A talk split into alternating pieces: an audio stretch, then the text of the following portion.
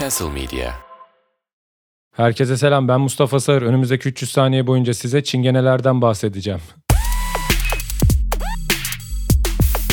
Şimdi Laps diye çingene dedim kusura bakmayın ama roman mı demem gerekiyordu, roman mı demem gerekiyordu onu tam bilmiyorum. Ben Samsun'un Kadıköy mahallesinin Mis sokağında büyüdüm.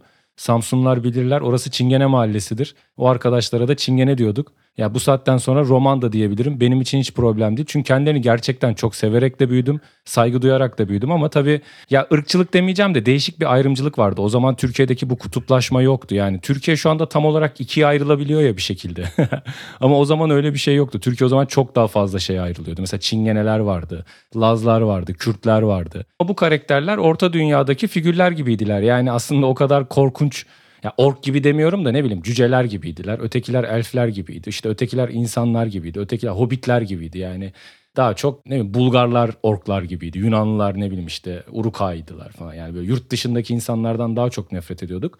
Kendi vatanımızdaki insanları da çok sevmiyorduk ama ya şunu ayıralım arkadaşlar. Bir insanın getirdiği yemeği yememekle o insanı gaz odasına sokup öldürmek arasında çok ciddi bir fark var. Yani burada bir ırkçılıktan bahsedemeyiz. Burada ön yargılar var. Ki o ön yargılarda bir şekilde o insanlarla beraber deneyim yaşarsan ne kadar doğru ön yargılar olduğunda anladığın şeyler oluyor. Genelde de bu konuda insanların bir sürü haklı hikayesi oluyor. Ya da işte hani o laf var ya benim Kürt arkadaşlarım da var falan. O da aslında bir noktada güzel bir benzetme olabiliyordu o zamanlar. Şu an çok manasız. Yani ben Çingene Mahallesi'nde büyüdüm. Şimdi geçen bir röportajda sokakta Çingenelerle işte CHP'li misin, AK Partili misin, kime oy vereceksin falan gibi bir röportaj yapılıyor ve hepsinin bir fikri vardı. O sahneyi görünce çok şaşırdım. Çünkü normalde Çingene dediğin adam gidip oy vermez yani anladın mı? Niye oy versin ki abi? Adamın yani öyle bir oy verme gibi bir durumu yok. Türkiye politikası üzerine oturup düşünecek anı yok. Adam sabah çıkıyor dışarıya. Akşama kadar sanatını icra ediyor. Eve geliyor zaten evde ayrı bir karmaşa var. Herkesin kafası güzel. Herkes dans ediyor. İnanılmaz bir parti dönüyor. Yani 20 sene boyunca bitmeyen bir parti düşün. O partinin içinde gidip sen şey yapar mısın? Ben gideyim de Kılıçdaroğlu'na oy vereyim çünkü falan gibi düşünmezsin ki o noktaya gelmişler. Onu görmek beni çok üzdü yani. Çünkü bu insanlar rockstar gibiydiler abi. Gerçekten yani tanımayan bilmez. Çingene Mahallesi'nde büyüyen var mı bilmiyorum ama adamlar çok rahattılar. Yani Çingeneleri düşündüğüm zaman aklıma gelen 3 tane kelime var. Mutlu, kıvrak ve rahat yani. Rahat adamlardı böyle yani. Kıyafetini önemsemiyordu, yediğini içtiğini önemsemiyordu. Adam elinde ayıyla geziyordu ya. Ayısı vardı bizim. Üst mahallede bir tane adam vardı. Ayı oynatarak para kazanıyordu ya. Düşünsene şu anda Pitbull'la gezmek bile yasak yani. Pitbull'a diyorlar ki işte yasaklı ırk. Ağızlıksız çıkaramazsın falan. Yas yasaklık da böyle tam Kürt metal grubu ismi gibi değil mi böyle? Yasaklı ırk. Bu hafta Dersim'de ilk konserimizi vereceğiz falan. Neyse yani adam, adamlar ayıyla geziyorlardı yani.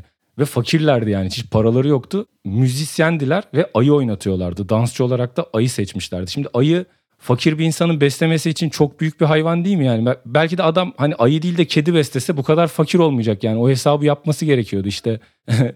bir ton et 375 bin lira işte bir kilo kedi maması 40 lira. Biz bir yerde yanlış yapıyoruz ama falan bu hesabı yapması gerekiyordu ama yani diğer türlü düşünürsen de dans etmelerini ayıya dans ettiriyor. Dünyanın en iyi dans eden milleti dansçı olarak ayı seçiyor. Yani kendileri zaten yıkılıyor danstan. Herhangi birini dans ettirse parayı belki 10 katına katlayacak. Ama orada bir değişik bir sanatsal dokunuş mu yapıyor ya da çok çaresiz mi kaldı? Herkes de gitti konuştu. Kimse ben senin müziğinle dans etmek istemiyorum falan dedi. Gitti ormana ayı mı yakaladı? Yani bir çingenenin aklına bu nasıl geliyor anlatabiliyor muyum şimdi? Ama adam şimdi gidiyor diyor ki ya işte ekonomi kötü diyor. Aynı adam ekonomi kötü diyebiliyor. Ayı oynatan, fakirken ayı besleyen bir adam ekonomi kötü diyebiliyor şu anda. Ya bu ayrımcılık başka bir ayrımcılık. Ben bunu istemiyorum abi. İnsanları ikiye ayırmayalım artık. İnsanları daha fazlaya ayıralım yani. Çok daha fazla insan var. Yani benim askerdeki en iyi arkadaşım da bu arada Çingene'ydi. Buradan da bunu söylemek isterim. Kemal kendisiyle çok güzel masa tenisi oynuyorduk. Şimdi uzun süre çingenelerin arasında büyüyen bir insan olarak tabii onların yaptığı